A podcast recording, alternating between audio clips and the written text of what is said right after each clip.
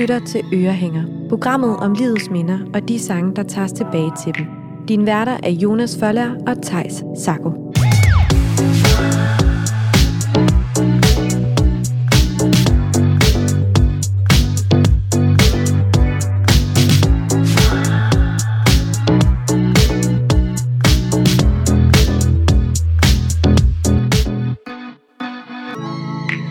Velkommen til Ørehænger. Velkommen til ugens program.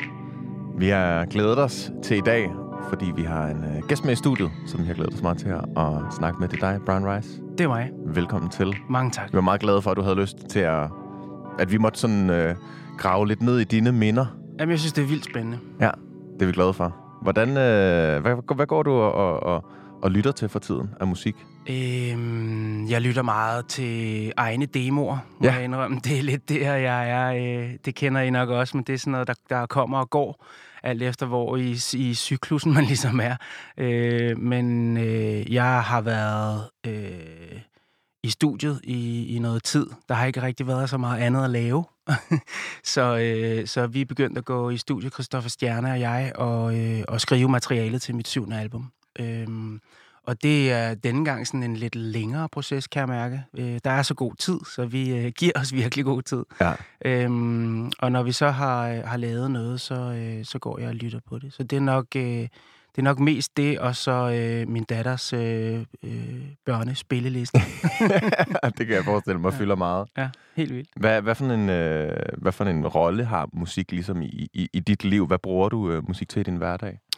Ja, det, øh, det er et meget stort spørgsmål, fordi det er noget, der, der stikker meget dybt. Øhm, musik for mig er grundlæggende følelser med lyd på. Øhm, og har altid været. Altså lige siden at jeg nærmest havde en, øh, en stemme og ja, kunne høre musik. Der tror jeg, at det har været, den har, musikken har givet udtryk for, hvordan jeg havde det. Øhm, og det gør den stadigvæk. Øhm, I den grad.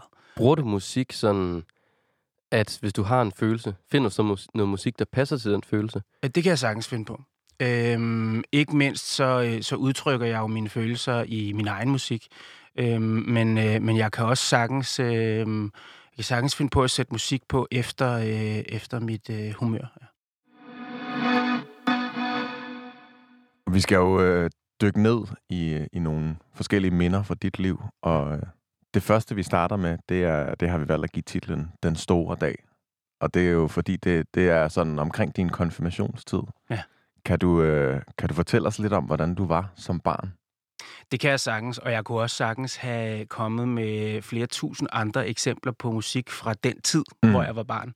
Fordi noget af det, jeg lavede allermest som, som barn, hvis ikke jeg var i, i skole, det var at sidde foran mine forældres øh, gamle BRO-pladespiller.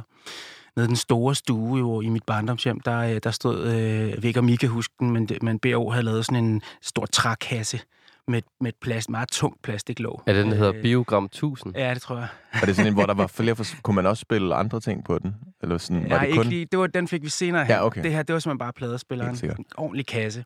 Og nede under den, der stod så hele øhm, øh, stigeregionen med, med LP'er. Øhm, og det, det var simpelthen mit... Øhm, ja, jeg var selvfølgelig også ude at lege med, med nogle øh, venner fra, fra vejen og så videre. Men hvis ikke jeg var det, så var det de her LP'er. Og det handlede meget om, at jeg kunne vir- virkelig godt lide at kigge i de her covers. Øhm, øh, særligt, øh, min far var meget stor, eller er meget stor Shubidua-fan. Øh, og, og Shubidua havde om nogen nogle vilde pladecovers, hvor man bare kunne sidde og blive væk i tegninger og fortællinger, som passede til sangene og så videre. Kan du prøve at beskrive, hvordan det så ud, de her Shubidua-covers? Ja, altså jeg husker sådan nogle, øh, tit sådan nogle dobbeltcovers øh, med, en masse, med en masse sjove øh, tegninger. Øh, blandt andet af en lille, en lille rund øh, figur, der står op højt på en alpetop, og Valen Valborg. Og, og alle, Valen Valborg var også en af de sange, jeg var lige ved at, øh, at skrive på, faktisk, fordi den, øh, den, den, den fører mig helt klart tilbage til, øh, til tiden foran pladespilleren, og ikke mindst tiden, som øh, jeg har været spejder i det danske spejderkorps, siden jeg var ja, 6-7 år gammel. Øh, og den står også i spejdersangbogen der. Så det, altså, hele det der repertoire, øh, Shubidua, Kim Larsen, og Anne Linnet og, altså sådan noget, hører, hører meget til i, i den tid for mig. Og så har min mor fortalt mig, at jeg var et barn, som øh, udtrykte mig meget i, i musik. Altså, vi havde et stort hus, og jeg har en storesøster, øhm, og øh, man kunne altid ligesom høre, hvor i huset jeg var, øh, fordi at øh, jeg sang et eller andet.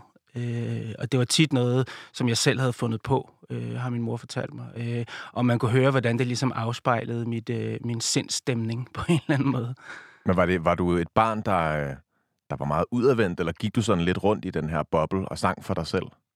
Jeg, jeg husker ikke mig selv som værende meget særlig udadvendt. Jeg tror faktisk, i folkeskolen var jeg sådan lidt... Øh, sådan en, en, en lille, lidt for sagt mørkhåret gut, der, øh, der ikke gjorde så meget væsen af sig. Øh, men, øh, men jeg klarede mig fint, og jeg havde, jeg havde masser af venner og sådan noget, men, jeg, men jeg, var nok, øh, jeg var nok lidt mere introvert. Mm. Hvordan så det ud, dengang du var barn? Øhm, Hvilket tøj havde du på? Jeg havde meget, altså jeg er jo vokset op i 80'erne, øh, så det var meget noget med nogle skjorter med nogle meget spidse flipper, kan jeg huske, og min mor og min farmor var gode til at strikke, så jeg havde tit nogle sweaters på, eller et eller andet, som var lidt skæve i det, som, som de havde strikket, og så havde jeg sådan øh, et meget stort, øh, jeg tror man ville kalde det koslik, sådan et pandehår, der jeg har en meget ekstrem virvel i, i højre side. Øh, og, og min mor, hun satte simpelthen bare en gryde ned over mit hoved, og ligesom klippede hele vejen rundt langs kanten. Så det der pandehår, det faldt ligesom ned som sådan en koslik i, øh, i panden. At det er sådan lidt der, ja. det, der er blevet lidt til emo-stilen nu, ikke? Hvis jo. man farvede det sort. Måske. Ja, ja, ja, det ville det helt klart være. Ja. Øhm, men det, men det, øh, det, var, det var sådan øh, lille Brian. Store brune øjne og, øh, og nogle nogle meget fodformede sko. Ja. Godt look umiddelbart. Ja. ja.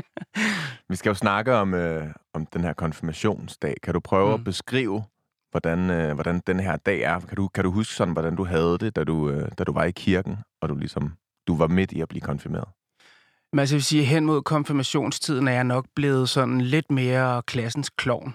Øh, jeg, jeg har nok jeg har nok på en eller anden måde øh, fået lidt flere venner og lidt mere mod, og, og er blevet sådan lidt øh, ham, der altid lavede sjov og ballade, og også blev sendt uden for døren og sådan noget. Så på det tidspunkt, der vi de der 13-14 år, der er jeg sådan, øh, der er lidt øh, ikke, ikke lige så introvert, som, som da jeg var lille. Øhm, og jeg husker bare konfirmationstiden som virkelig sjov. Jeg, øh, jeg havde en meget stærk overbevisning om, at jeg skulle konfirmeres. Min, støs, min storsøster har valgt ikke at blive øh, konfirmeret, og det var ikke noget, der ligesom, der var ikke noget pres hjemmefra øh, på nogen måde. Så det var noget, jeg valgte, sikkert fordi resten af klassen også valgte det. Øhm, og så kan jeg huske, på det tidspunkt var mine forældre blevet skilt, og, øh, og jeg var flyttet sammen med, med min mor øh, ned i sådan det, der var byen, der hvor jeg kommer fra, Viby Sjælland. Øhm, det var fem minutter væk fra, fra mit barndomshjem, hvor min far og min søster så blev boende. Øhm, Hvornår blev de skilt? Jamen, det gjorde de, ved en, da jeg var en 11-12 år. Eller sådan noget. Det er ikke noget, jeg husker som særlig traumatisk, faktisk. Øh, altså, jeg, jeg kan huske nogle skænderier og, og noget, som, som, som ikke føles særlig behageligt, men, øh, men selve det der med, at, at min mor og jeg flyttede ned i en lejlighed, og sådan, det synes jeg egentlig bare var meget spændende. Så havde jeg to værelser. Og, mm.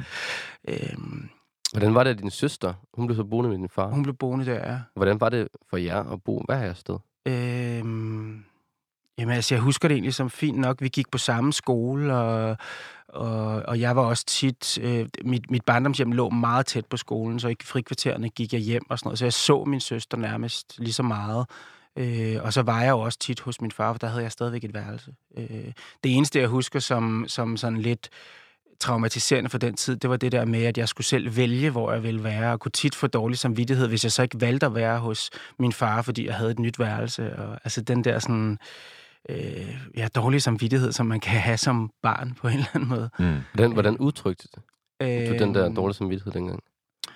Øh, det har jeg nok gjort ved, ved hjælp af musik. Jeg kan faktisk ikke rigtig huske det. Jeg kan bare mærke, når jeg tænker på det, så kommer der, så kommer der den der dårlige samvittighed frem med, at om jeg skal også huske at være på mit gamle værelse. Jeg drømmer tit om mit gamle værelse, faktisk. Stadig i dag? Øh, ja, som, ja, og som sådan lidt forladt.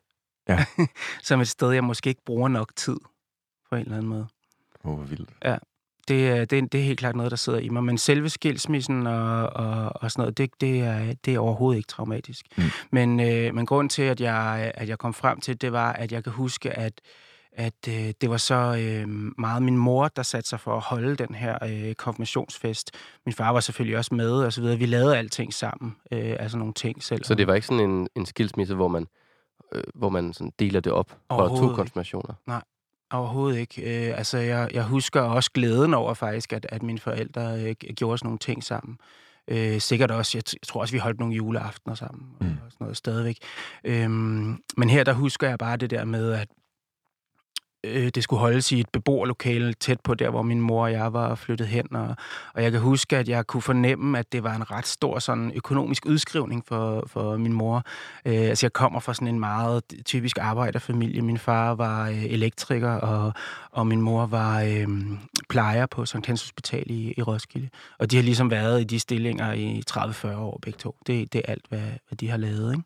Kan du huske, at de sparede sådan op til Ja, den her konfirmation? Det kan jeg huske. Og jeg kan også huske øh, fornemmelsen af, at, øh, øh, at der blev lagt til side til, til den her fest, og det var noget særligt. Og jeg skulle jo også have en stor gave, og der skulle være, jeg tror, vi var 50 inviteret, og jeg måtte invitere to venner. Og altså, det der sådan meget kontrolleret, og, og så skulle der være til bordpynten. Og sådan. Mm. Kan du, kan du prøve sådan øh, at beskrive det her lokale, som festen blev holdt i? Kan du sådan huske, øh, hvor- hvordan, hvordan så lokalet ud på dagen? Ja, altså jeg kan huske, at min mor havde, øh, havde prøvet meget sådan at spørge mig ind til, hvad jeg godt kunne lide. Og sådan, vi havde, øh, vi havde nogle... Altså, der var hvide due på bordene, hesteskobord, der var hvide due på, men så var der lagt sådan nogle blå, øh, nervøs velour-due henover, som var draperet en lille smule i siderne. Hvis I kan forestille jer det. Det er... Øh, nervøs velour er jo skønt, men også virkelig irriterende, fordi man, man, det sidder på tøjet ja. Ja. bagefter, ikke? Det er et specifikt materiale i hvert fald. øh, og så kan jeg huske, at hun havde brugt rigtig meget krudt på at folde nogle øh, meget, meget flotte servietter, som lignede små blå skjorter med sådan en, med, med et lille stykke blomsterserviet i lommen. Og sådan. Der var virkelig, øh, altså vi er jo tilbage i, øh, i 90'erne, ikke? og der var, virkelig, der var virkelig gjort meget ud af det. Var Hvordan, flot. hvordan var maden? Var det også meget 90'er-agtigt, eller? Øh, ja, det kan, jeg kan faktisk ikke helt huske det, men jeg er ret sikker på, at det var decideret suppesteg-is. Ja. Øh, og kom t- højst sandsynligt ned fra slagteren. Øh, fordi det skal også lige siges, at på det tidspunkt, der øh, fra jeg var 13, var jeg ansat hos øh, slagteren i Viby Sjælland som opvasker. Øh, og det var jeg faktisk øh, fra jeg var 13 til jeg var 18. Øh, og, og tjente mine egne penge og, og, og så videre dernede. Og, og, og han har helt sikkert lavet øh, maden til min konfirmation. Havde du også blå skjorte på? Ligesom øh, der var lavet de her på bordene? Det kunne have været fedt, hvis det havde været, øh, hvis det havde været øh, synket, men, øh, men jeg havde valgt noget helt andet. Jeg var, jeg var meget bevidst om, øh, om tøj allerede på det tidspunkt. Og du valgte det selv? Det gjorde jeg. Jeg kan huske, jeg var med... Øh, jeg kan faktisk ikke huske, om det var min mor eller min far, der var med ude og købe det, men jeg havde valgt et øh, mit første jakkesæt nogensinde. Øh, det, det ville have været meget moderne nu, faktisk. For ja. Det var totalt oversize. Jeg svømmede rundt i det. Øh, Jeg ved ikke, om I har lagt mærke til det, men jeg er ikke sådan, er ikke sådan den højeste øh, 43-årige mand, I har øh, mødt. Og det var jeg heller ikke på det tidspunkt. Nej. der var jeg faktisk meget lille. Øhm, så det der jakkesæt, det, det var bare, jeg svømmede fuldstændig rundt i det. Og det var blommefarvet. Ja. I skal forestille jer sådan, det er hverken lillet eller lyserødt, men sådan en, man kaldte det Lige blommefarvet. mellem-agtigt. Ja, lige præcis. Men, men det var ikke bevidst, at det var for stort. Det var simpelthen bare... Øh, Det var, det var, var det lidt mindste, sådan, du det kunne var. få, agtigt. ja, lige præcis. Ja. Og så var det dobbeltradet.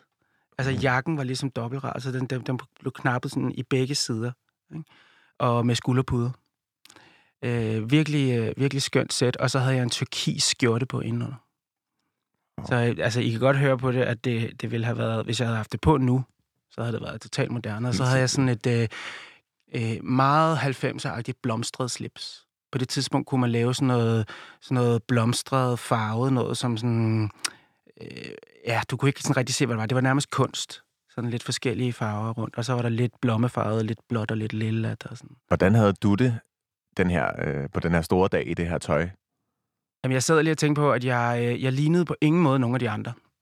Fordi at jeg kan huske min bedste ven Jeppe, han havde sådan et super fedt øh, øh, blåt og sandfarvet jakkesæt på, og sådan meget mere klassisk og sådan noget. Jeg var den eneste, eneste i kirken, der, der ligesom havde noget farve på, for pigerne havde jo hvide kjoler.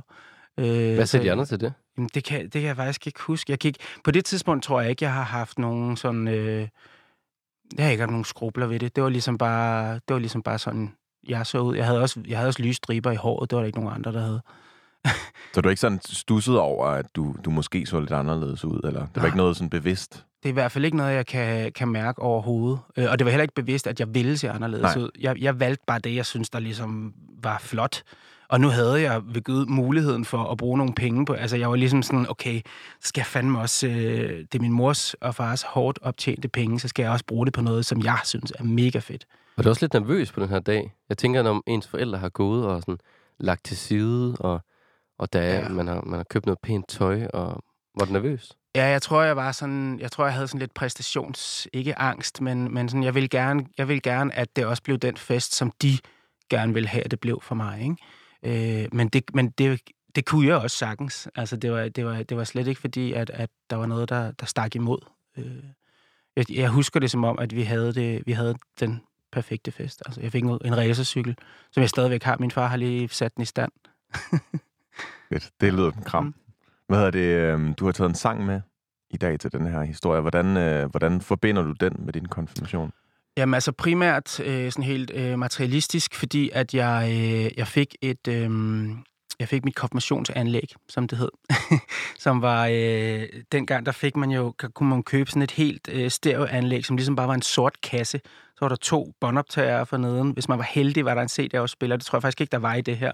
Det var ligesom ikke... Øh, det var ligesom ikke det, man gjorde endnu. Så var der en radio i midten, og så var der en pladespiller foroven. Øhm, og, det, og så var der, var der selvfølgelig nogle, nogle højtalere til. Og det fik jeg i konfirmationsgave også. Øhm, og dertil en, øh, en LP, min første LP, som, øh, som jeg bare... Altså, det, jeg har den stadigvæk ude i sommerhuset, men jeg er ikke sikker på, at den kan spille, for den er bare blevet slidt til ukendelighed. Og hvad var det for en LP, du fik? Det var med Ten Sharp. Ja. Og øhm, den eneste sang, som jeg sådan kan huske derfra, det er, det er selve hittet, som, øh, som også har, øh, har lyttet i dansk radio et utal af gange. En sang, som på en eller anden måde gik fuldstændig ind under, ind under huden på mig også, øh, som hedder You. Hvad betød det for dig at få den her vinyl og pladespiller kunne sætte det her på derhjemme på dit værelse? Men på en eller anden måde følte jeg mig faktisk meget voksen, øh, fordi jeg havde øh, hidtil sat øh, mine forældres LP'er på mine forældres pladespiller. Men nu havde jeg det ligesom inde på mit værelse. Jeg kunne lukke døren, og så kunne jeg ligesom sætte det på, som, som var i min pladesamling, og ikke i deres.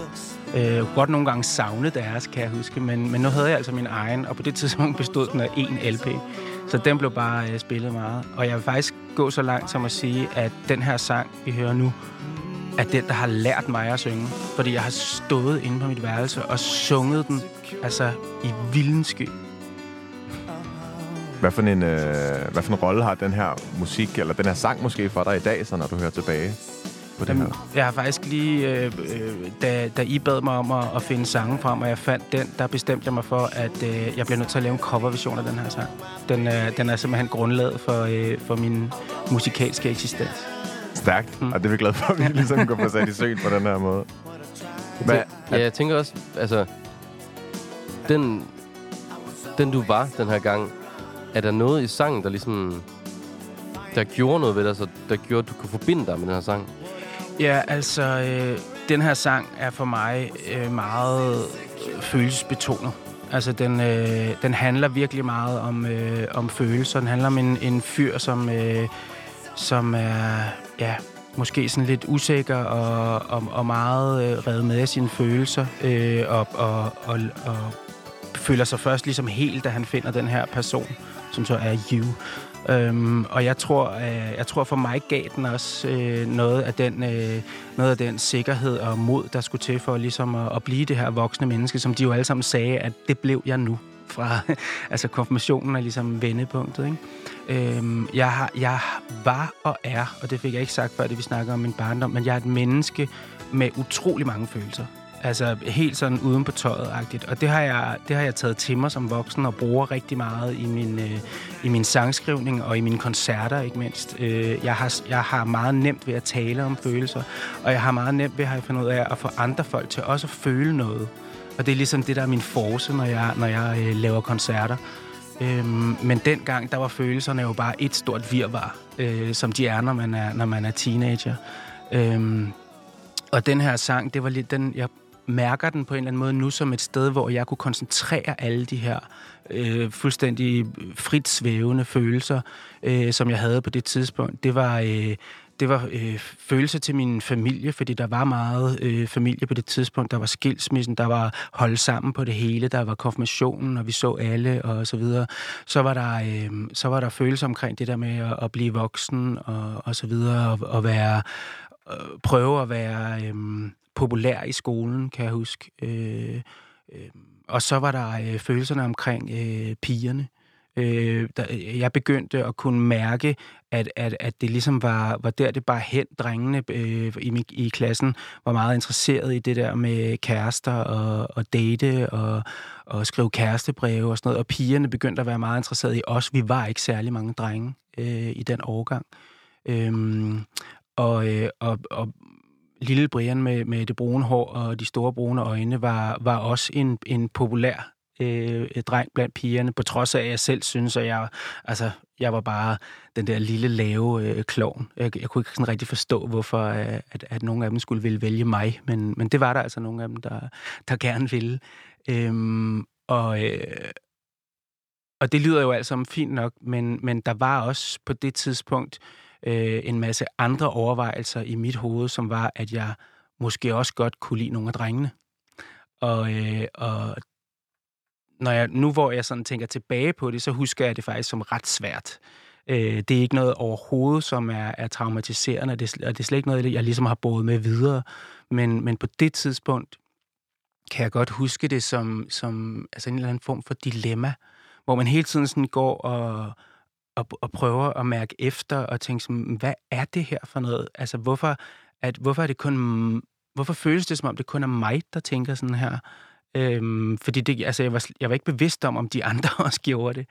Øh, eller hvad. Og det, altså, det er alt sammen noget, der på en eller anden måde ligger parkeret i den her sang. Fordi når jeg så sad inde på mit værelse, nogle gange måtte jeg også tage høretelefoner på, fordi det simpelthen var, var for højt at høre musik der, hvor, hvor jeg boede. Øh, og så bare sidde i, øh, på mit værelse med høretelefoner og høre den her sang, og så ligesom prøve at, at putte alle de her sådan meget store følelser ind i, øh, i en sang.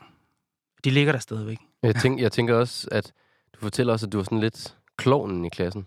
Ja. Og det her med, at du havde så mange følelser, var det en måde at ligesom gardere dig på? Det tror jeg godt, du kan regne med. Og jeg tror også, det er derfor, at, øh, at øh, den der lidt, lidt mere... Øh, øh, altså, jeg var virkelig sådan en morsdreng, øh, da jeg var lille. Den der, som, som gjorde sine ting og, og, og så videre. Det, det gør jeg stadigvæk, men, øh, men nok med, med et lidt andet, lidt andet afsæt på en eller anden måde. Øh, til at starte med var jeg meget øh, pligtopfyldende og meget morstreng, og det ændrede sig. Øh, og det tror jeg godt, det tror jeg godt på en eller anden måde, man kan kæde sammen med, at det har været en reaktion på, at der var sådan lidt meget rod øh, inde i hovedet.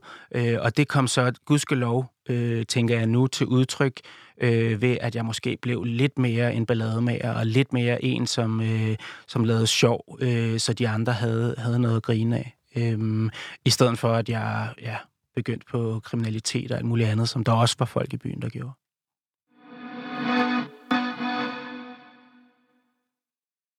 Vi skal jo til uh, andet minde, mm-hmm. og det har vi, uh, nu var det den store dag, vi kom fra. Vi har valgt at, at give den titlen Det Store Gennembrud. Ja. Øhm, hvilken periode i dit liv er vi her? Jamen altså, der er jeg jo faktisk blevet voksen. Øh, der har været øh, omkring en milliard sange i mellemtiden, som jeg kunne have, have valgt ud. Øh, men, øh, men som jeg også skrev til jer, så selvom det her er totalt meget ananas i egen juice, så kan jeg ligesom ikke rigtig komme udenom det. Mm. Øhm, øh, og jeg har simpelthen valgt mit, øh, mit, mit eget første øh, hit, mit, øh, mit gem, min gennembrudssingle, øh, No Promises. Og det er fordi, at ja, jeg vil sige nærmest øh, 80 procent af, af de følelser, jeg har i dag, er ligesom forbundet til den sang. Når du siger, du nu er du blevet voksen mm. i den her periode, hvor, hvor gammel er det? Jamen, jeg er faktisk 27, 27 da ja. det her sker. Øh, og det fortæller meget om, hvor, øh, hvor mærkeligt det egentlig var, at det overhovedet skete. Øh, fordi jeg har aldrig nogensinde bedt om det. Øhm, som jeg også har lavet jer forstå, så har musik været en stor del af mit liv, men, men på sådan et fuldstændig indre plan. Øh, jeg begyndte så øh, efter konfirmationen og, og i tiden derefter at, øh, at komme meget i ungdomsskolen på dramaholdet og, og begyndte sådan ligesom at, at blive kreativ og, og interessere mig for, at vi indspillede nogle CD'er på dramaholdet og sådan noget. Og da jeg så flyttede til København og skulle gå på, øh, på Handelshøjskolen, som det hed dengang, CBS, øh, startede jeg et gospelkor, et stort københavns gospelkor, som hed Sound of Gospel. Øh, og der blev jeg hurtigt opdaget også som, øh, som solist. Øh, jeg havde også været solist i ungdomsskolen, øh, fordi at øh, musikken ligesom øh, altså det, det lå ligesom til mig på en eller anden måde. Der var aldrig nogen, der ligesom havde lært mig det, men jeg havde jo jeg havde jo ikke lavet andet end at synge. Hvor, hvorfor ja. valgte du CBS, når du øh, gerne ville synge? Jamen, det var ikke der... Altså, jeg, jeg vidste ikke, at jeg gerne ville synge. Øhm, altså, jeg, øh, jeg, jeg havde ligesom... Øh, jeg havde en forestilling om, at jeg skulle have en, en, en lang videregående uddannelse. Jeg, jeg er meget bolig og, og altså hvis man kan kalde det intellektuel. øhm, og, øhm, og i gymnasiet havde jeg så spansk som andet sprog, og, og lærte en familie at kende i Spanien, som jeg så flyttede ned til, da jeg blev, øh, da jeg blev student og boede i næsten to år, og lærte at tale flydende spansk. Så det lå ligesom i kortene for mig, at jeg skulle hjem og være spansk tolk. Øh, og det blev jeg også. Jeg mangler bare at skrive mit speciale. Jeg har en kandidatgrad i spansk. Og, øh, og da Remy så ringede til mig som 27-årig, øh, og snakkede om den her single, der var jeg i gang med at skrive mit, øh, mit speciale. Ja, hvordan, altså, så, så lige det her, det er måske lige før sådan dit store kommercielle gennembrud. Mm. Hvordan, øh, hvordan var din hverdag? Altså, du, du skrev ligesom, øh, eller var i gang med at, at, at skrive specialer og sådan ja. her, den her ting, men, men hvordan var dit liv ellers? Havde du, havde du nogen tanker om, at musikken kunne være en levevej? Altså, musikken fyldte meget, øh, men levevej, det har aldrig strejfet mig og jeg ved ikke hvorfor. Det er ikke fordi, at, øh, at det fra, fra familiens side har været noget, man ikke kunne. Tværtimod, jeg har haft fuldstændig øh, frie kort. Jeg har bare ikke selv set det som noget, jeg kunne leve af. Øhm, så, og derfor har jeg så også øh, valgt en, en, en helt anden vej. Men musikken fyldte meget. Altså det her gospelkor blev mere og mere sådan semi-professionelt. Vi indspillede Disney-ting og så videre. Og min, øh, min korleder, Janne Vind, hun, øh, hun skubbede mig ud i at være deltager i, en, i noget i det, som nok faktisk var Danmarks første talentshow, Stjerne for en aften var jeg med i 2003. Det kan jeg godt huske, det program. Ja. Det er altså ja, klassisk. Det, det var ret vildt. Hvordan var det at være med der? Jamen det var, øh, jeg tror faktisk, det var det, der for første gang ligesom sådan gav mig blod på tanden, hvor jeg kunne se, at der var nogle altså professionelle mennesker, som ligesom havde en mening om, hvad jeg kunne rent musikalsk. Fordi alt det andet, altså koret og, og alt det, vi lavede der, og ungdomsskolen og sådan noget, det havde jeg alt sammen set som, øh, som fritidsinteresser, som jeg blev nødt til at have for ligesom at få afløb for, øh, for det der kunstneriske, øh, jeg havde inde i mig. Øhm, men lige pludselig så kunne jeg godt se, at der var, altså, jeg var, jeg var den eneste, øh, som, som jeg husker det, øh, til auditions på, øh, på Stjerne for en aften, som de på forhånd vidste, at de gerne ville have med. Sådan fik jeg det forklaret bagefter. Det var sådan noget med, at når man havde været til audition, så hvis man, hvis man skulle være med, så blev man overrasket senere hen af ens venner eller redaktionen eller et eller andet, og fik fortalt, at man skulle være med. Men jeg blev overrasket til audition fordi de bare på mit bånd ligesom havde hørt, okay, ham der skal vi bare have med. Øhm, og, og alle de der ting, de, de, og, og, og, og den lethed, ikke mindst, jeg havde ved det. Altså for mig kostede det ingenting at stille mig op i det der tv-show. Det var som om, at, at, at det der med at, at smile til kameraet og synge og alt sådan noget, det var, det var bare, det lå bare ligesom... Var det ligesom første gang, du stod alene på scenen? Ja, det var det. Hvordan var det så at stå der alene på scenen og være stjerne for en aften for første gang, tænker jeg? Øhm, Altså, jeg ved godt, det lyder helt åndssvagt, men jeg husker det, som om jeg havde en følelse af, at det var det mest rigtige, jeg nogensinde havde gjort. altså, helt skørt. Og sådan har jeg det jo stadigvæk. Øh, jeg har det bedre, når jeg står på scenen foran mit publikum, end når jeg sidder her sammen med jer. Altså, det, det er ligesom, det er der, jeg øh, gør en forskel. Hvad er det, det giver dig? Øh, følelsen af at gøre en forskel. Øh, og følelsen af at gøre det, som jeg ved, jeg kan øh, hvor at alt andet i livet, det er ligesom sådan noget, hvor man skal føle sig frem og lære og alt sådan noget. Men det der, det, det har jeg ligesom, det, det ved jeg, jeg har styr på. Øh, så, det, så der kan jeg hvile i det på en eller anden måde. Øh, og det følte jeg allerede der.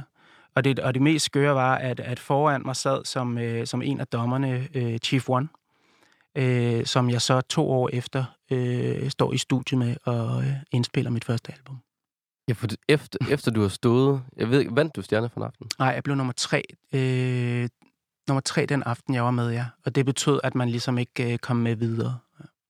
Og så ringer Remy til dig efterfølgende, eller hvordan? Ja, så, øh, så går jeg så, øh, fortsætter min uddannelse og tager alle mine eksamener og ja, får blødende mavesår og ligger på hospitalet og skriver øh, mit projekt. Og, altså alle mulige sådan... Øh, der, der er mange mellemregninger i den tid der.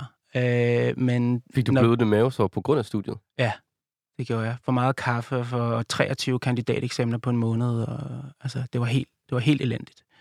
Øhm, men jeg klarede det. Og, øh, og det eneste, jeg ikke klarede, det var så at aflevere mit speciale. Fordi så lige pludselig, så, så ville verden noget andet.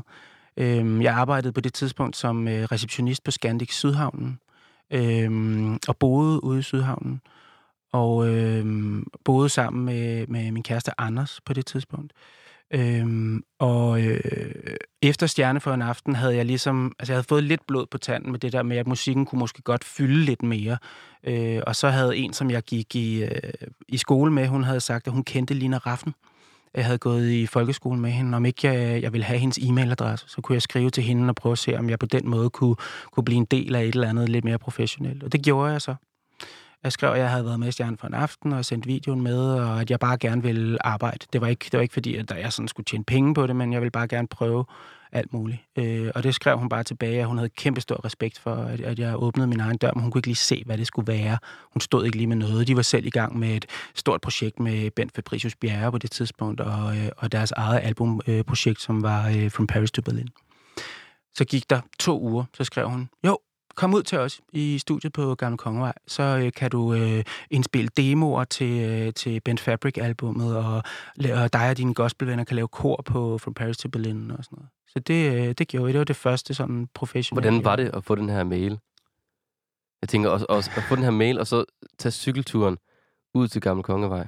Jamen, det har helt klart været... Altså, det, jeg kan faktisk ikke rigtig huske det. Øh, der skete så meget i den tid, men jeg, men jeg er ret sikker på, at det har været sådan følelsen af, at, øh, at nu kunne jeg også bruge det til noget professionelt.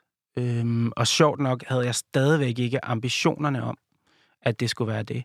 Men det vilde er, at når jeg, nu, nu er jeg så øh, 43 og sidder og kigger tilbage på, på al den tid, og, og har gjort flere gange, øhm, og jeg har en meget stærk følelse af, at det er musikken, der har vildet mig. Øhm, altså lige mig helt tilbage fra pladespilleren nærmest. Musikken har prøvet så mange gange ligesom at fortælle mig noget, og jeg har bare været sådan helt blåret og bare gjort alt muligt andet. Ikke? Indtil den dag, hvor Remy han så ringer i en frokostpause på Scandic Sydhavnen og siger, at jeg har hørt, fordi da jeg så havde været hos øh, Pau og Lina, så kom jeg videre i nogle studier på Njalsgade, og de havde givet mit nummer ud, og til sidst så blev jeg ligesom bare brisen, der kom op på Njalsgade og indspillede demoer for Sebak-brødrene og, og alle mulige. Jeg var ligesom bare et instrument, øh, de kunne bruge til at indspille deres sange.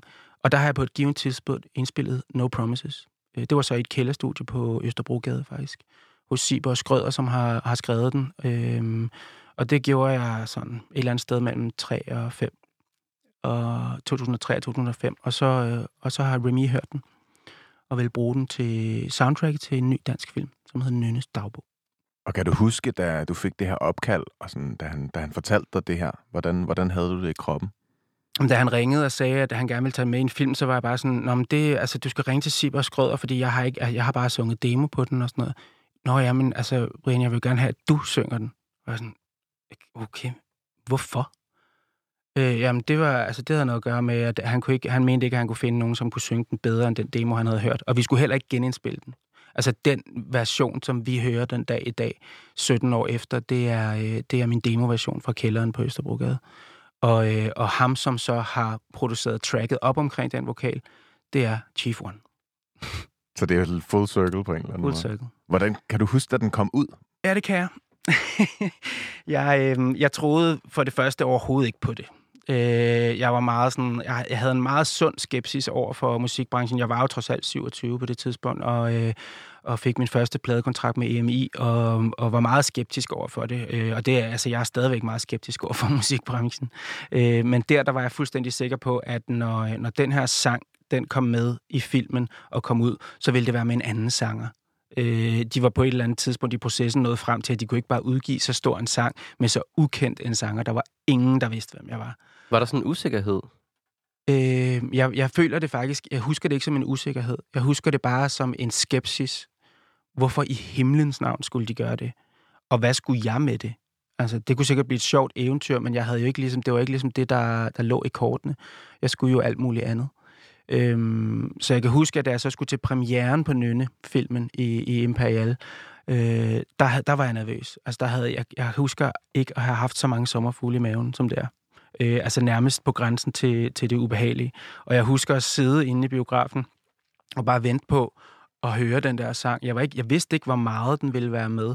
Og lige pludselig kommer der bare sådan en, en kærlighedsscene, hvor sangen er med i hele sin udstrækning. Altså fra start til slut nærmest. Det havde jeg slet ikke regnet med. Og det var Gud hjælp mig mig, der sang den. Altså, og, den, og den, sådan føler jeg det stadig. Nu har jeg så set Nynne-filmen nogle gange. Jeg føler det, det, det samme ubehag, indtil sangen kommer.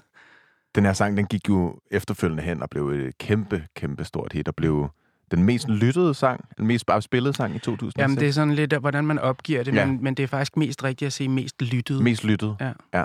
Hvordan, øh, hvordan var det lige pludselig at stå der og, og egentlig måske gerne vil være øh, spansk øh, tolk, og, og så lige pludselig være den mest lyttede artist i hele Danmark? Det tog lang tid for mig ligesom at opfatte det og tage beslutningen. Jeg blev ved med at arbejde på Scandic Sydhavn, indtil direktøren en dag sagde til mig, øh, vi bliver, altså, du bliver nok nødt til at finde ud af, hvad, hvad det egentlig er, du skal, fordi at, at den, altså, den kø, der stod foran mig i receptionen, det var til autografer, og ikke til at tjekke ind og ud af hotellet. Altså, det var, sådan var det vidderligt til sidst. Øhm, og jeg holdt ligesom fast i, at jeg blev nødt til at tjene nogle penge, og sådan, øh, samtidig med, at, øh, at øh, Grammix-pengene, de bare rullede ind på min konto. Men sådan nogle havde jeg jo ikke fået før, så det vidste jeg ikke rigtig, hvad var. Øhm, men så tog jeg på et tidspunkt øh, beslutningen, og, og, og EMI spurgte, om ikke, vi skulle, om ikke vi skulle lave et helt album. Og jeg begyndte lige pludselig at turnere øh, i både Danmark og Sydafrika og øh, altså, øh, store dele af verden, øh, Skandinavien, og lige pludselig blev der stor øh, efterspørgsel, også fra medierne. Øh, og noget af det, som jeg husker allermest, det var det der med, at der var ingen, der vidste, hvem jeg var.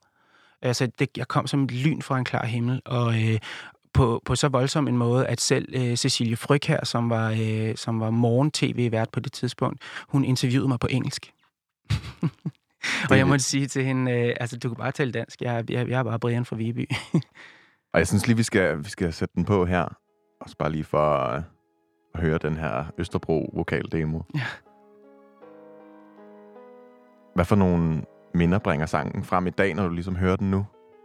For det første tænker jeg, at det er meget sjældent, at jeg faktisk hører den i sin original. Altså, jeg synger den jo flere gange om ugen for, for et publikum, eller det vil sige, det har jeg gjort i, i 16 år. Nu har det ikke været så meget ja, de sidste to år, desværre, men... Øhm, altså, at, at sætte billeder på er fuldstændig umuligt for mig, fordi det er et sammensurium af musikvideooptagelser på, øh, på kulden i Sverige, hvor jeg sidder iskold på en sten og venter på et kamerahold. Og, og faktisk troede, at det at være popstjerne var noget lidt andet end det. øhm, og så til den første gang, jeg optrådte med den i cirkusbygningen foran kronprinsparet, som sad og sang med. øhm, alle sådan nogle helt syrede oplevelser. Turnerer i, i Sydafrika, hvor den lå nummer et. Og ja, nu hvor den har været så stor en del af dit liv, og du står den, også, som du siger, synger den så mange gange og sådan noget, synes du stadig, den er god?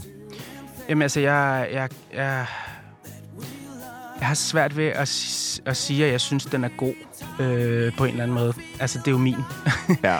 øhm, men, men jeg holder meget af den, øh, og jeg holder af at synge den. Og det må jo betyde, at jeg synes, den er god. Øh, altså, jeg vil sige, den har jo formet hele mit liv. Det er også derfor, den, øh, den sidder fast her på min underarm. Du har, men, øh, du har, du har simpelthen fået et uh, lyd, lydbølgen. Ja, det er, det er 30 sekunder af det omkvæd, vi, vi hører nu, som jeg har tatoveret som, øh, som lydbølger på, øh, på min underarm. Og faktisk har jeg en app i min telefon, der kan scanne de her 30 sekunder og spille dem. Øh, wow. Og det, øh, det er simpelthen fordi, jeg, jeg havde ikke troet, at jeg skulle have tatoveringer faktisk, men da jeg så, at det kunne lade sig gøre, så tænkte jeg, at det, er, det, det, det, skal, være, det skal være på min arm. Øh, fordi den sang øh, definerer altså hvert eneste øjeblik af mit liv, siden jeg var 27. Hvordan ser du i dag tilbage på, øh, på den her tid, altså hvor du ligesom, måske også, det var lidt en skillevej? Jeg husker det som en film, jeg har set. Øhm, altså fordi det gik så ualmindeligt stærkt, på godt og ondt. Øh, altså lige pludselig fra dag til anden, så blev jeg, så blev jeg ansigtet på, på den her sang. Øh, alle kendte sangen. Øhm, alle kendte ansigtet, men der var ingen, der kendte Brian. Øh, og på en eller anden måde, desværre, så fik jeg skabt, øh, også for en ledet af mit, øh, af mit management og mit pladeselskab, fik jeg skabt to sådan lidt forskellige personager. Der var Brian, som stadigvæk til tider var den sådan lidt introverte og, og, og, ikke, så, øh, og ikke så offentlige person. Og så var der Brian, som var ham, der lige pludselig bare var, øh, var Danmarks nye øh, pop-sanger. Skulle du så vælge mellem de to? Øh, nej, jeg fik at vide, at, øh, at det var meget godt at, at have de her to forskellige, fordi når jeg så mødte øh, pressen og fans og sådan noget, så kunne jeg, så kunne jeg altid affeje ting med at sige, jamen det er, det er noget, der hører Brian til, og det har jeg ikke lyst til at snakke om, og så videre. Og på en eller anden måde må jeg nok sande den dag i dag, at, øh, at de her mennesker omkring mig øh, prøvede at, måske at beskytte mig, det ved jeg ikke, men de prøvede at lægge låg på, hvem jeg egentlig var. Øh, og at jeg egentlig var en 27-årig homoseksuel fyr. Var det noget, du... Øh, de ligesom vidste? Altså også det her med din seksualitet? De var vidste det godt, noget? at jeg boede sammen med Anders, ja. Ja. Det gjorde de. Øh, de kunne måske mærke på mig, at jeg ikke var, øh, at jeg ikke var klar til at være øh, regnbue-fanebærer på det tidspunkt. Øh, fordi det var jeg på en eller anden måde ikke gammel nok til. Men, øh, men de, de valgte så ligesom at råde mig til at lægge skjul på det. Øh, og, og, og grunden til, at jeg, jeg siger det nu, og, og har sagt det også for nyligt i et interview med Gaffa, øh, det er, at øh, det må man aldrig nogensinde gøre. Fordi det, øh, det endte faktisk øh, ikke galt, men det endte øh, rigtig svært for mig. Jeg havde en, øh, en længere periode efter mit andet album, hvor jeg, hvor jeg simpelthen ikke vidste, hvem hverken Brian eller Brian var. Øh, og når jeg gik uden for en dør, så var det med kasket og solbriller på, fordi når folk de kiggede på mig, så vidste jeg, at de tænkte, nå, det er ham der, hvem er det egentlig, hvad, hvad er det egentlig, han er og kan, og så videre. Og, og alle de tanker tog jeg ligesom ind i mig selv, fordi jeg ikke, altså, der, var, jeg havde ligesom bare to tomme skaller. øhm, og, øh, og, og jeg var ikke, øh, altså i folks øjne, synes jeg ikke, jeg var nogen anden, andet end ham, der sang den der sang. Øhm, og, det, og det har jeg så måtte, måtte råde bod på siden. Så gik, så fik jeg noget, noget coaching, og, øh, og ligesom fandt ud af, at jeg rent faktisk var en, øh, en person inde bagved. Og den person har jeg så prøvet ligesom at, øh, at lade folk vide, hvem er. Øh, og, og det har faktisk bragt mig til, øh, til der, hvor jeg er i dag. Hvad, hvad er forskellen på Brian og Brian i dag? Jamen, det er forskellen er, at det er den samme. at, jeg kan, at jeg kan se folk i øjnene lige meget, hvor jeg kommer hen, og ligesom stå ved, at øh, ja, jeg er ham, der lavede No Promises, men jeg er også ham, der lavede øh, alt muligt andet. Øh, er ham, der er i gang med mit syvende album. Øh, ham, der er øh, gift med, med Mads og, øh, og har et barn. Og, og altså øh, ham, der er øh, politisk aktiv i musikbranchen, og alle de her ting, som jeg, som jeg ligesom har, øh, hele den store pose, jeg har åbnet op for af, af personlighed, øh, som jeg fik at vide, at det skulle man aldrig gøre. Og nu skal vi jo faktisk...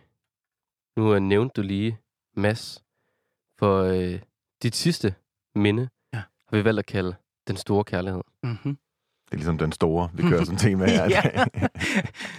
Og kan du ikke prøve at beskrive dengang, du mødte Mads? Og fortælle lidt om, hvem Mads er. Mads er øh, den dag i dag min mand. Øh, far til, øh, til vores datter. Jeg er øh, pappa, og Mads er far. Og, øh, og hun har også en mor. Øh, Mads mødte jeg på en lidt speciel måde. Øh, der er meget af den historie omkring, da masser og jeg mødte hinanden, som jeg ikke er stolt af. Øh, og som jeg helst ikke vil fortælle for meget i detaljer. Men, øh, men jeg, jeg så Mads første gang på et øh, billede på Facebook. Øh, øh, jeg var på turné med mit band, øh, og, øh, og vi sad i, i turbussen der. Jeg tror, Facebook var ret nyt på det tidspunkt. Jeg kan huske, vi sad der med, øh, jeg tror nærmest, det har været en iPhone 1, øh, og, øh, og scrollede Facebook, og, og frem kommer det her sorte, sort-hvide billede af en, øh, af en gut, som jeg sidder og kigger på, og så kan jeg bare huske, at jeg viser det til Tejs, min, øh, min guitarist, og, øh, og, og gode ven igennem mange år, og, øh, og siger, prøv lige at se ham her. Altså, og, og Thijs er ikke til mænd, men jeg skulle ligesom bare vise det til en eller anden. øhm, og det er det første, jeg sådan husker. Og øh, så husker Hvad jeg... Thijs? Øhm, jeg tror bare, han fyrer et eller andet Thijs-agtigt af på det tidspunkt. Jeg kan, jeg kan ikke huske det. Øhm, men jeg kan huske, at øh, på trods af, at jeg var øh, forlovet med Anders på det tidspunkt, øh, at der er et eller andet, der får mig til at, øh, at trykke på... På det tidspunkt var der en knap eller en dims i Facebook, som hed Poke. Kan I huske det? Altså, man prikke til. Ja, lige ja. præcis. Og det gjorde jeg til Mads. Fuldstændig, øh, altså, uden sådan rigtig at tænke over, hvad det var, jeg gjorde. Så gjorde jeg bare det, og det havde jeg ikke, jeg havde ikke gjort det før. Og så kan jeg huske, at øh, nogle dage efter, tror jeg, det er, at Mads han så reagerer på det der prik, ved bare sådan at skrive. Jeg kan ikke huske rigtig, hvordan man skrev dengang, om, om der også var sådan en, en messenger-funktion eller sådan noget, men i hvert fald på en eller anden måde fik jeg en besked med, fra Mads, hvor der stod hej, og, sådan, og, og øh, du har pukket mig. Jeg ved ikke rigtig, hvad det betyder, men på sådan en, en øh, humoristisk måde, som Mads nu engang kan. Øhm, og det var ligesom starten på, at, øh, at vi blev venner. Øhm, Mads er, er uddannet musiker fra, øh, fra Rytmekonta i København, og pianist og sanger. Øhm, og var forlovet med en sangskriver, som jeg, øh, som jeg kendte rigtig godt på det tidspunkt. Øh, og desværre så bliver... Øh, ja, desværre, det kan man jo ikke sige, men, øh, men, men Mads og jeg bliver til mere end venner på det, på det tidspunkt. Øh, og, øh, og er nok ikke så gode til at kommunikere det ud til, til vores omgivelser. Øh, og det er det, som jeg jo selvfølgelig fortryder øh, den dag i dag, fordi vi levede faktisk et, øh, et dobbeltliv. Øh, man kan så sige øh, i bagklogskabens øh, lys, at, øh, at det var jo godt for noget. Vi er, vi er gift den dag i dag og har været sammen i, 14 år i år og, og har en datter. Øh, men, øh, men vi skulle helt klart have været bedre til at, at finde ud af, hvordan man gjorde sådan noget. Ja, for I var jo begge to forlovede, da, Ja. da I ligesom mødte hinanden. Mm. Hvad, hvad var det ved jeres relation, eller måske hvad var det ved Mads, som du faldt for, der ligesom var så stærkt, at, at de her øh, forlovelser ligesom, de var, de var lige meget? Jamen altså, jeg, jeg, jeg tror jo på, øh, jeg, jeg tror faktisk, efter jeg har mødt Mads, tror jeg på den eneste ene. og, øh, og det var det, jeg mødte øh, i Mads. Altså, jeg mødte en, som kunne rumme mig, som, øh, som den, øh, øh, som den sådan lidt, øh, jeg ved ikke rigtig, hvad jeg skal sige det, øh, tosidede artist, jeg nu engang er. Det meget private menneske, og den meget, øh, den meget opmærksomhedshungrende artist, Øh, for det er man, når man er artist. øhm, og, og, og det der med at være, at være et kendt ansigt, og være, øh, at være en, øh, mange ved, hvem er, og sådan noget, det, det er ikke nemt for alle at, at ligesom kapere. Øhm, men det kunne Mads, øh, og det kan Mads. Øh, og så mødte jeg en musiker, en som kunne forstå mit det øh, univers, som jeg levede i, og som ligesom kunne, kunne hjælpe mig og, og, og ja, sim- ja, i bund og grund måske holde af den, jeg var blevet. Øh, fordi det var også en tid for mig, hvor jeg, hvor jeg ændrede mig meget. Øh, det var, så vidt jeg husker det, nogle år efter mit gennembrud, og, og ikke mindst øh, nok lige i den tid, hvor jeg befandt mig i det der, øh, hvem er Brian og Brian-agtige. Øh, og der var Mads helt klart med til at være, være en af dem, der definerede, øh, hvem er. Og du har taget en, en sang med Mm. til, til det her minde. Hvad er det for en sang, vi skal høre? Jamen, øh, på et eller andet tidspunkt, så, øh, så har Mads øh, for første og eneste gang i, øh, i, vores, øh, i vores forhold slået en sang op på, øh, på min Facebook-væg øh, på et tidspunkt, da, da den her sang udkom. Øh, og det er ikke sådan noget, Mads er ikke typen, der bare sådan lige dedikerer en sang. Øhm, og han er ikke typen, der hører dansk musik heller. Han er meget sådan, laver selv meget sådan amerikansk R&B, og, og det er den genre, han godt kan lide og sådan noget. Så det der med overhovedet at, ja, at finde en sang frem og dedikere til sin kæreste, det er i virkeligheden nærmest alt for taggy for, for sådan en som Mads. Men, øh, men det gjorde han altså der, og derfor blev den ligesom øh, symbolet på, på vores kærlighed. Også fordi den, den fortæller meget om, om det der med ligesom at, at springe ud som kærester, i stedet for at, at holde det hemmeligt øh, og så videre. Øhm, så den blev vores sang, og det er øh, Marie Case, Uden Forsvar. Måske også, tænker jeg, når jeg hører den her sang, også lidt det, det stod i, Ja, fuldstændig. at de begge to var forlovet. Mm. Men alligevel, altså, finder the one i hinanden, ikke? Jo, for det var jo det meget også, vi snakkede om på det tidspunkt. Kan man godt, kan man godt bare ende noget, som, som er godt til fordel for noget, som man ikke ved, hvad er? Øhm, altså, og, og, og det var det, altså når jeg, når jeg siger springe ud, så, så mener jeg virkelig, øh, altså at, at springe ud som, som kærester øh, er i forvejen svært, men når man har gode forhold i forvejen, så er det endnu sværere. Øh, og det, det skulle vi simpelthen have, have været bedre til, den beslutning, ligesom. Øh, og det, det ligger alt sammen meget i den her sang. Og så også at være stolte af, altså nu, nu er vi jo stolte af at, at, at have hinanden og være det, vi er. Hvilken følelse får du i kroppen, når du, når du hører den her sang i dag? Um, jeg, bliver meget, jeg bliver sat helt tilbage til en, uh, en koncert i Storvægge med, med Marie. Uh, det må have været i 17, øh, 2017, hvor, øh, hvor Mads har inviteret mig ind og høre den her øh, koncert. Uh, jeg har øh, nogle år forinden givet Mads en, øh, en ring på en øh, nytårsaftensferie, vi havde i Hongkong. Øh, men det var en ring, jeg gav ham som en form for samhørighedsting. Jeg sagde, at det behøver ikke at være ens betydende med, at vi skal giftes eller noget. Det er bare, en, det er bare noget, vi har sammen. Øhm, og den tog han imod. Øh, og så gik der nogle år, og så under den her koncert, under den her sang, vi står op på balkongen på, øh, på Storvægga, så visker han mig i øret, om, øh, om jeg vil giftes. Og det siger jeg ja tak til. Hvordan, hvordan er det at stå under en koncert, og altså, at han visker det i øret til dig? Jamen, jeg, jeg husker lidt, som om, at, at det hele bare sådan flød sådan lidt sammen i sådan et musikalsk øh, pff, kærlighedsøjeblik. meget, meget, meget fint. Hører de så den her sang til brylluppet også? Øh, jeg tør faktisk ikke sige, om den blev spillet, men, øh, men nej, vi hørte den ikke øh, sådan, der, der, den var ikke en del af ceremonien. Det kunne den godt have været. Men vi havde i stedet for en anden sang, som jeg også var ved at, at vælge ud, som er Søs Fingers Du Er, øh, som Søs sang til vores, øh, til vores hvilelse. Hvis du sådan skulle, øh, skulle sætte et ord på den her sang, som du ligesom synes, den, øh, den står for i dit liv, hvad, hvad skulle det så være? Jamen, det er nok, øh, at kærligheden, den sejrer. altså, trods af, af, af alt det svære, øh, og, og, og alt det lort, vi fik, øh, alt det rav, vi fik lavet i den, så øh, lige så vel som, øh, at musikken har sejret over mig på en eller anden måde, den, den, den har fået fat i mig, så har kærligheden også.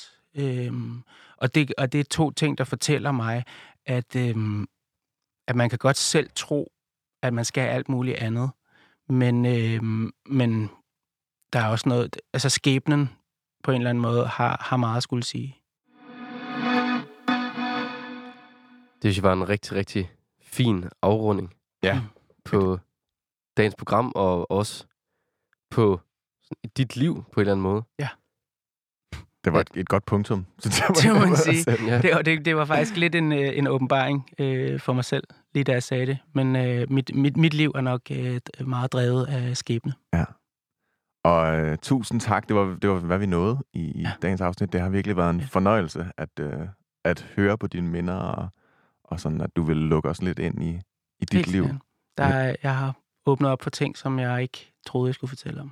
Det er vi Men glade for, at det er du, det, I kan. at du gav os tilliden til det i hvert fald. Og øh, vi håber, at jer derude, der lytter med, I vil høre med en anden gang. Tak for i dag.